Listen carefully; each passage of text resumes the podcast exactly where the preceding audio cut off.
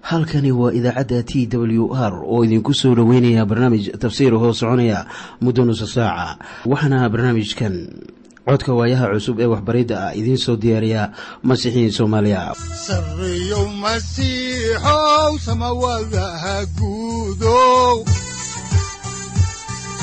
Siraadkii adduunkow subanaha eebow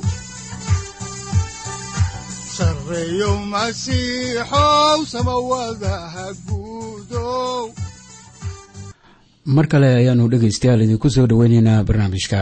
Waxaa horey u sii soconaya amaanu horey idinku soo wadi doonaa daraasaadkii inaanu ka soo xiganayna kitaabka quduuska ee baibalka waxaana caawa aan hore u sii ambaqaadi doonaa daraasaadkii la magacbaxay baibalka dhammaantii oo aynu kula fagurayna injiilka sida maarkos qoray cutubka sideedaad oo aynu uga gudbi doono kan sagaalaad balse haatan inta aynaan idin bilaabin barnaamijka aynu wada dhegaysanno qasiidadan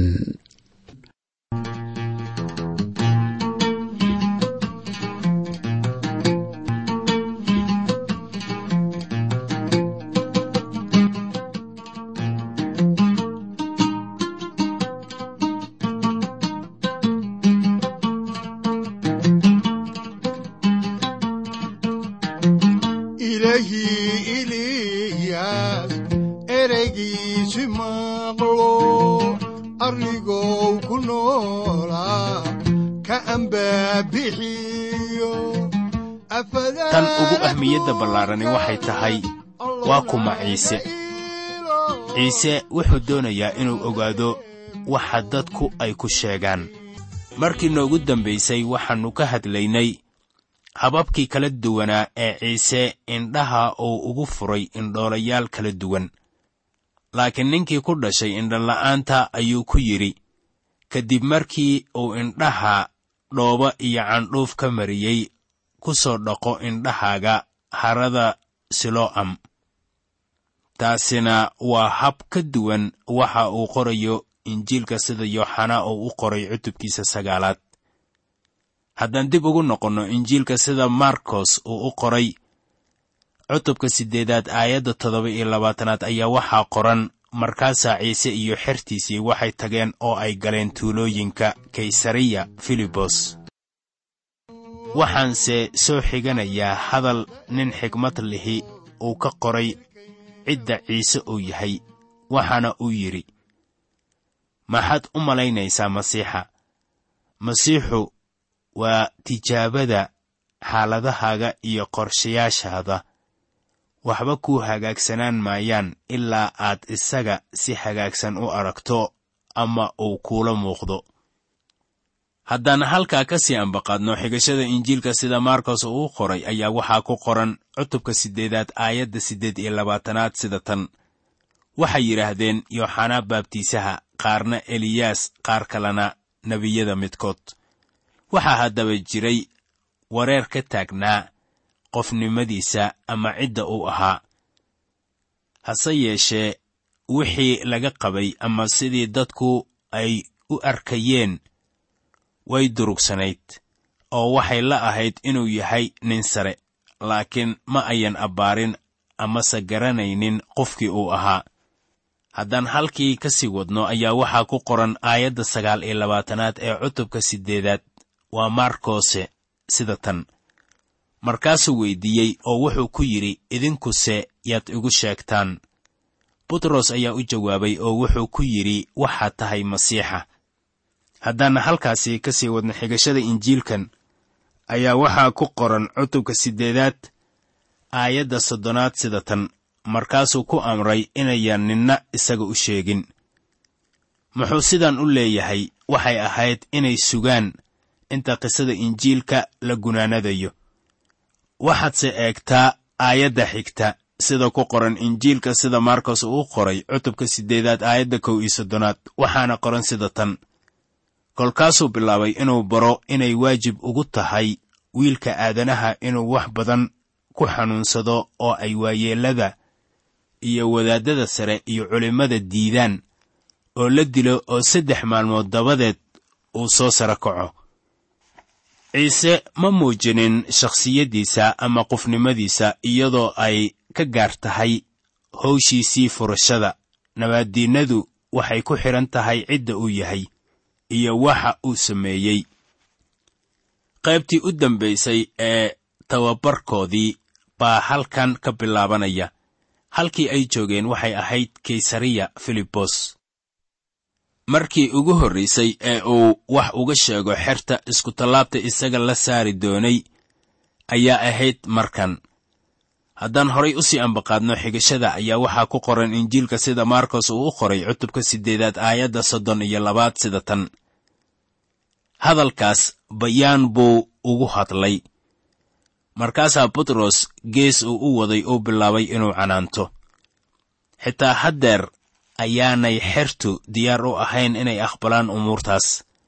Markaasaa simon butros wuxuu ku yidhi ciise hadalkii ugu xumaa ee abid afkiisa ka soo baxa. Bal aynu eegno injiilka sida markos uu u qoray aayadda soddon iyo saddexaad ee cutubka siddeedaad waxaa qoran sida tan laakiin ciise markuu soo jeestay oo xertiisii eegay ayuu butros canaantay oo wuxuu ku yidhi gadaal iga mar shayddaan yahow. Waayo waxyaalaha ilaah kama fakartid waxaadse ka fakartaa waxyaalaha dadka. Ciise waxaa hadalkiisa ku jiray shayddaan yahow haddaba shayddaanku wuxuu inkirayaa qiimaha dhimashada ciise. Haddaan halkaasi ka sii wadno xigashada injiilkan ayaa waxaa ku qoran cutubka siddeedaad aayadaha soddon iyo afar ilaa soddon iyo siddeed sida tan. Goortaasuu dadkii badnaa u yeedhay iyo xertiisiiba oo wuxuu ku yidhi mid un hadduu doonayo inuu iga daba yimaado ha is inkiro iskutallaabtiisana ha soo qaato oo ha isoo raaco kan doonaya inuu naftiisa badbaadiyo waa lumin doonaa laakiin kan naftiisa u lumiya aawaday iyo injiilka aawadii kaasaa badbaadi doona. Waayo nin maxay u taraysaa hadduu dunida oo dhan helo oo uu naftiisa lumiyo? Nin muxuu u bixiyaa naftiisa beddelkeeda? Haddaba ku alla kii qarnigan dembiga iyo sinada leh kaga xishooda aniga iyo hadalkaygaba wiilka aadanaha ayaa ka xishoon doona isaga markuu ammaantii aabbihiis kula yimaado malaa'igaha quduuska ah. Waxaan dhegaystayaal haatan soo gaarnay cutubka sagaalaad ee injiilka sida maarkos uu u qoray ah. Waxaanan mar kale arki doonnaa dhallanroggii xagga muuqaalka ee ku yimid ciise masiix. Waxaa qisadanu ay ku qoran tahay saddexda injiil ee ugu horreeya waana kuwa loogu yeedho marka laysku daro injiilada dulmarka ama synoptic gosbelis dabeeto waxaannu arki doonnaa markos oo ka faalloonaya markii ciise jidhkiisii uu beddelmay isagoo buurta dhaladeeda saaran. Haddana in halka hoose ay xerta ku dhibaataysnaayeen ayaa jirta. Waxaad xusuusataa aayadda ugu dambaysa ee injiilka sida matayos uu u qoray cutubka lix iyo tobanaad ayaa ciise uu ku leeyahay kuwa halkan taagan qaarkood sinaba dhimasho uma dhadhamin doonaan ilaa ay arkaan wiilka aadanaha oo boqortooyadiisa ku imaanaya. Markaasaa fasiraad badan laga bixiyey aayaddaas laakiin waxaan u malaynayaa inay cad tahay in sayidkeennu uu taa uga gol lahaa dhallanrogga isaga lagu dhallan rogay markii jidhkiisii gebigiisba uu wada iftiimay laba nin oo halkaa joogay waa butros iyo yoxanaae ayaa labaduba taasi ay wax ka yidhaahdeen. Butros wuxuu ka leeyahay warqaddiisii labaad cutubka koowaad aayadaha lix iyo toban ilaa siddeed iyo toban sida tan. Annagu ma aannu raacin sheekooyin khiyaano lagu hindisay. Markii aannu idin ogaysiinnay xoogga iyo imaatinka rabbigeenna ciise masiix laakiinse waxaannu ahayn markhaatiyaal indhaha ku arkay. Weynaantiisa waayo isagu wuxuu xagga ilaaha aabbaha ah ka helay maamuus iyo ammaan. Markii cod sidaas ahuu isaga uga yimid xagga ammaanta aad u weyn ee uu yidhi kanu waa wiilkayga aan jeclahay oo aan ku faraxsanahay. Oo codkaas aannu maqalnay wuxuu ka yimid samada markii aannu buurta quduuska ah isaga la joognay. Waxaa butros uu leeyahay innagu waxaannu markhaati ka nahay awoodda iyo imaatinka sayidkeenna ciise masiix. Goormo ayay haddaba taasi ka markhaati kaceen. Waxay ahayd wakhtigii dhallanrogga ama gibilgaddoonku uu ku dhacay ciise masiix. Haddaan toos idinku bilowno injiilka sida markos uu u qoray cutubka sagaalaad aayadda koowaad ayaa waxaa ku qoran sida tan. Wuxuu iyaga ku yidhi runtii waxaan idinku leeyahay kuwa halkan taagan qaarkood. Sinaba dhimasho uma dhadhamin doonaan ilaa ay arkaan boqortooyada ilaah oo xoog ku imaanaysa. Waxaan haddaba rumaysnahay in sababta tan laynoogu sheegay halkan ka hor dhimashadiisa iyo sarakiciddiisa waxa weeye inaan garanno inuu aaday iskutallaabta iyo in kale. Maxaa wacay boqortooyadu gacantiisay ku jirtaa? Wuu ka tegi karayey dunida isagoo aadaya samada. Wuxuuna noqon lahaa amiir carshiga xukuma. Haddaan halkaa ka sii wadno injiilka sida markos uu u qoray aayadda labaad ee cutubka sagaalaad ayaa waxaa qoran. Lix maalmood dabadeed ciise wuxuu waday butros iyo yacquub iyo yooxanaa oo wuxuu keligood geeyey buur dheer. Hortoodana ayuu ku beddelmay. Haddaan dib ugu noqonno injiilka sida markos uu u qoray ayaa waxaa ku qoran cutubka sagaalaad aayadda saddexaad sida tan. Dharkiisu aad buu caddaan ula dhalaalay sidii midka dhulka wax ku caddeeya aanu u caddayn karin. Dharkiisu wuxuu noqday caddaan waxay dharkiisu u caddaadeen si aan la qiyaasi karaynin waayo iftiinba ka imaanayay gudihiisa. Soo arki maysid haddaba erayga ah kan dhulka wax ku caddeeya ayaa loola jeedaa dhardhaqaha ama labandaayiistaha. Marka dhanka kale laga eego ayaan la arag mid sida dharkaasu u dhalaalayeen wax u dhalaalin kara dhalaalkaasu wuxuu ka yimid dhanka gudaha. Haddaan halkii ka sii wadno injiilka sida markos uu u qoray ayaa waxaa ku qoran cutubka sagaalaad aayadda afaraad sida tan. Markaasaa waxa iyaga u muuqday eliyaas iyo muuseba. Waxay la hadlayeen ciise. Magaca eliyaas marka la leeyahay waxay ka micno tahay qaabka ku dhawaaqidda giriigta ee ah ama noqonaya elija haddaba eliyaas wuxuu wakiil u ahaa nebiyadii. Muusena wuxuu wakiil u ahaa sharciga. Waxaa laynoo sheegay in sharciga iyo nebiyaduba ay markhaati ka ahaayeen dhimashadii masiixa. Haddaan halkaasi ka sii wadno ayaa waxaa ku qoran injiilka sida markos uu u qoray cutubka sagaalaad aayadaha shan ilaa lix sida tan.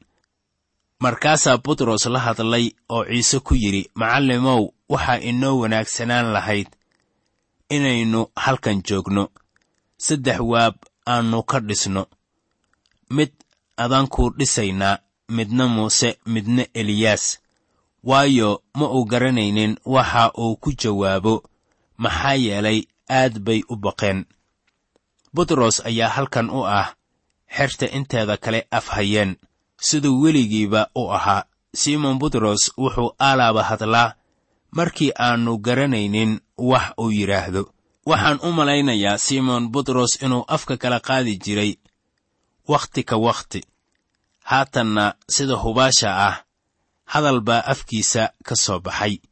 Haddaan halkaasi ka sii wadno injiilka sida markos uu u qoray ayaan eegaynaa cutubka sagaalaad aayadda toddobaad. Waxaa qoran sida tan kolkaasaa waxaa timid duruur oo iyaga haraysay duruurtiina waxaa ka yimid cod leh kanu waa wiilkayga aan jeclahay ee maqla isaga. Dareenka oo dhan waxaa lagu wajahay sayid ciise masiix. Hadalladiisa ayaa kama dambays ah. Isaga lama barbar dhigno eliyaas iyo muuse. Haddii aan halkaasi ka sii wadno xigashada ayaa waxaa ku qoran injiilka sida markos uu u qoray aayadda siddeedaad ee cutubka sagaalaad sida tan dhaqsiba goortii ay hareerahooda fiiriyeen. Mar dambe ma ay arkin. Cid kale oo iyaga la joogta ciise keliya maahee markaana ciise oo keliya ayaa muhiim ah miyaanay ahayn. Ma ahan ciise oo keliya waxa uu soo hormarinayo. Injiilkan markos uu qoray laakiin wuxuu soo horumarinayaa nolosha rumaystayaasha maanta. Hab kooban ayuu ku sheegayaa hadalladan waaweyn. Haddaan halkaasi ka sii wadno injiilka ayaa waxaa ku qoran aayadda sagaalaad ee cutubka sagaalaad sida tan.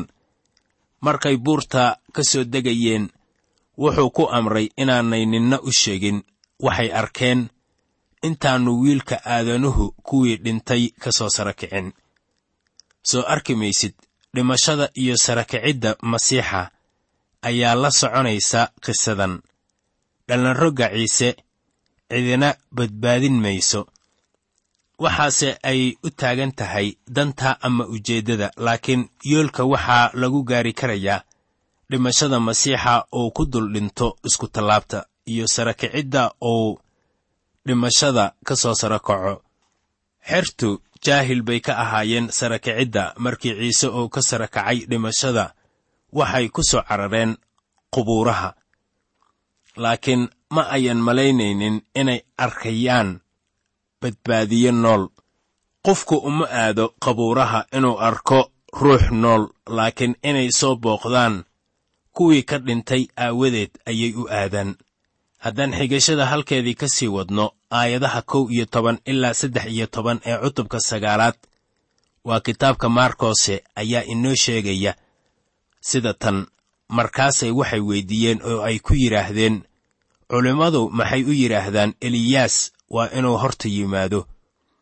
Markaasuu u jawaabay oo ku yidhi waa run in eliyaas horta imaanayo oo wax walba soo celinayo oo siday ugu qoran tahay xagga wiilka aadanaha inuu wax badan ku xanuunsan doono oo la nici doono laakiin waxaan idinku leeyahay eliyaas waa yimid oo wax kasta oo ay doonayeen ayay ku sameeyeen siday uga qoran tahay.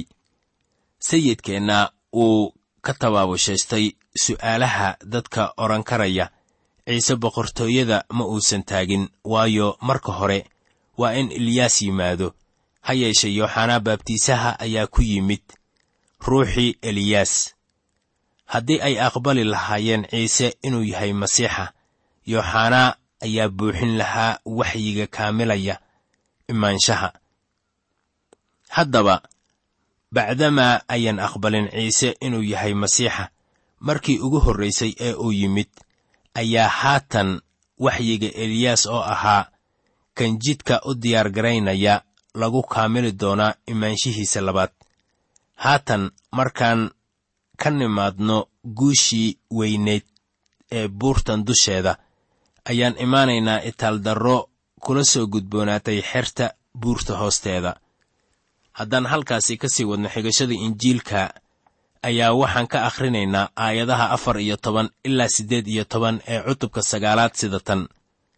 Markay xertii u yimaadeen waxay arkeen dad fara badan oo la jooga culimmaduna wax bay weydinayeen. Kolkiiba dadkii badnaa markay isaga arkeen aad bay u yaabeen oy ku soo ordeen oo nabdaadiyeen. Kolkaasuu weyddiiyey maxaad isweyddinaysaan markaasaa dadkii badnaa midkood wuxuu ugu jawaabay macallinow waxaan kuu keenay wiilkayga oo jinni carabla qaba. Meel alla meeshuu ku qabtaba wuu ridaa markaasuu afka ka xumbeeyaa wuuna ilka jiriiqsadaa uu qallalaa waxaan xertaada ka baryey inay ka saaraan. Wayna kari waayeen. Tanu hubaashii waa sawir muujinaya dareenka ka taagan dunida masiixiyiinta. Sayidku wuxuu beri hore u tegay aabbihiis isagoo leh jir ammaan leh. Rasuulladiisiina way la jireen horay ayay ugu tageen oo badanaa kiniisadihii horayna isagay la joogaan muuse iyo eliyaas xitaa maanta isagay la joogaan. Dhallanroggii ciisena wuxuu maanta sawir cad u yahay samada. Haddaba arrimaha bulshada ma ahan hawsheenna. Waa inaan awoodnaa inaan caawimaad u geysan karayno wiil jinni qaba maanta. Innagoo guddoonsiinayna isaga badbaadiyaha kaasoo xikmad siinaya oo xidhiir wacanna ilaah ula samaynaya. Haddaba xertu way awoodi weysay inay jinniga saaraan. Innaguna waynu awoodi weynay. Markaasaa sayid ciise wuxuu leeyahay sida ku qoran injiilka sida markos uu u qoray cutubka sagaalaad aayadda sagaal iyo tobanaad. Markaasuu u jawaabay oo ku yidhi qarni yahow rumaysadka daranu. Ilaa goormaan idinla jiri doonaa. Ilaa goormaan idin dulqaadan doonaa ii keena isaga. War maxay taasu tahay warbixin cajiib ah marka la leeyahay ii keena isaga? Waxaannu doonnaa inaan samayno wax kasta oo aan ka ahayn inaan dadka lumay u keenno ciise masiix. Haddaan halkaasi ka sii wadno injiilka sida markos uu u qoray aayadaha labaatan ilaa laba iyo labaatan ee cutubka sagaalaad ayaa waxaa qoran sida tan markaasay u keeneen goortuu arkay kolkiiba jinnigii waa gilgilay. Dhulkuuna ku dhacay oo laba legdeeyey isagoo afka ka xumbaynaya. Markaasuu aabbihiis weyddiiyey inteebuu waxaan qabay.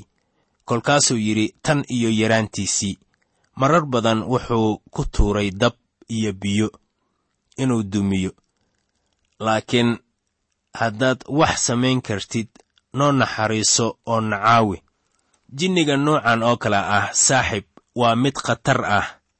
Lagase yaabo in wiilkan xaaladdiisu ayaan ka liidan xaaladdii ninkii ku jiray qabuuraha gadareeni.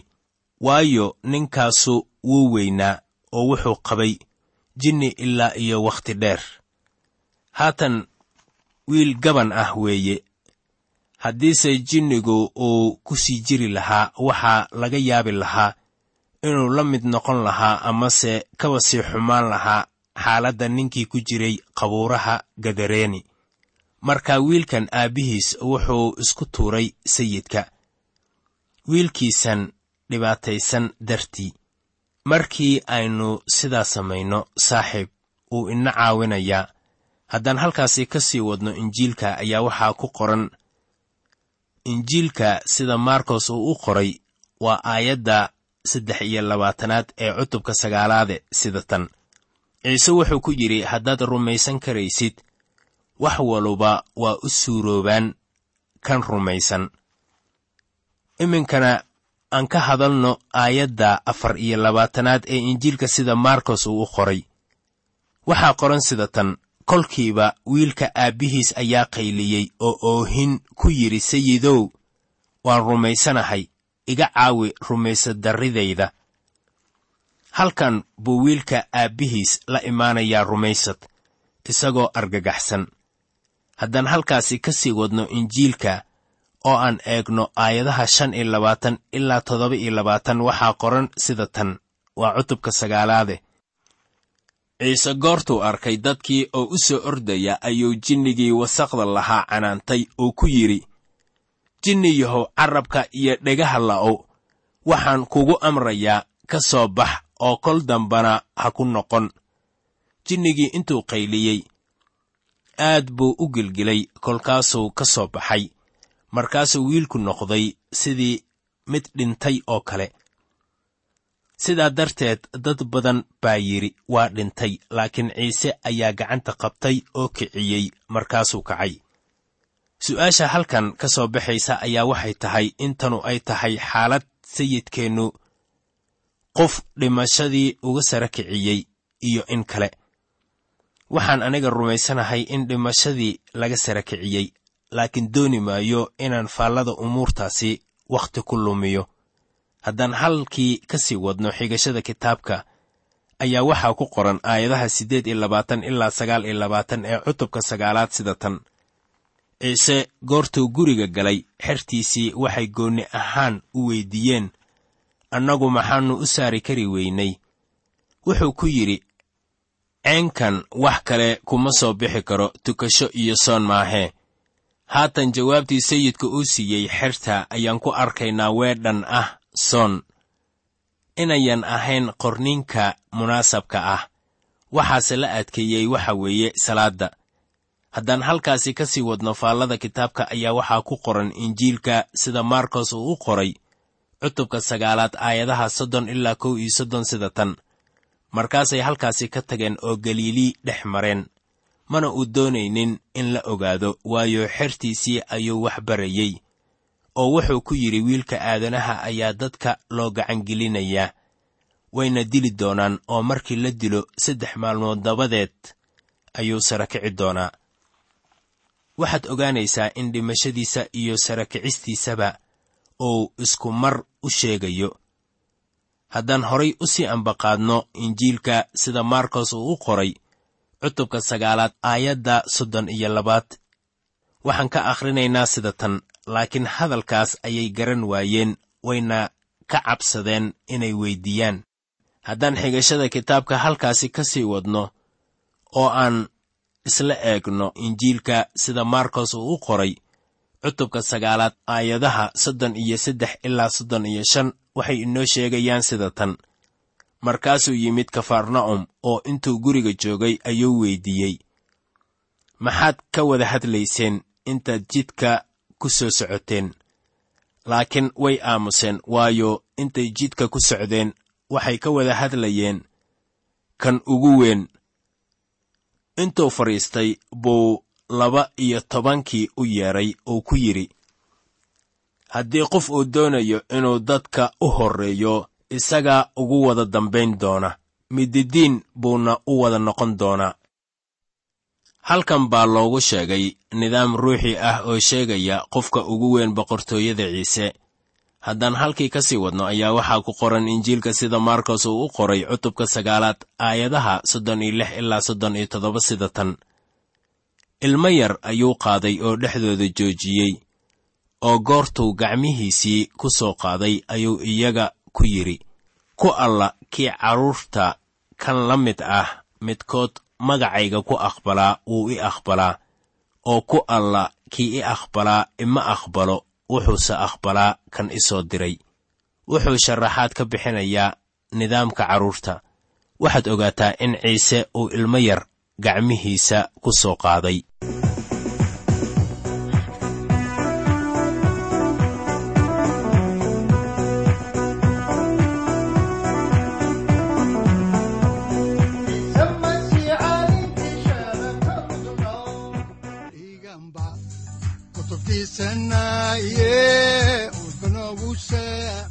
halkani waa t w r idaacadda t w r oo idinku leh ilaa ha idin barakeeyo oo ha idinku anfaco wixii aad caawi ka maqasheen barnaamijka.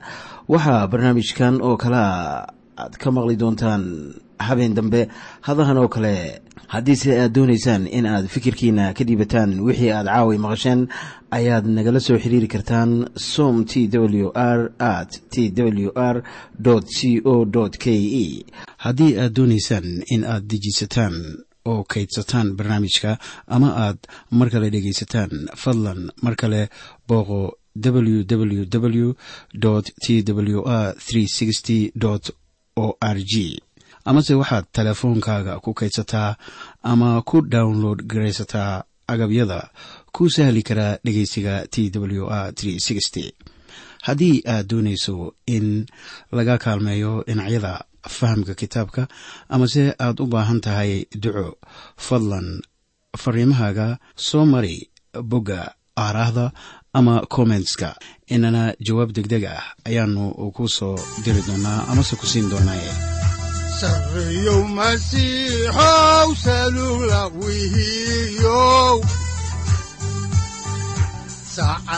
timid dhulka sabada ku dhalatiyo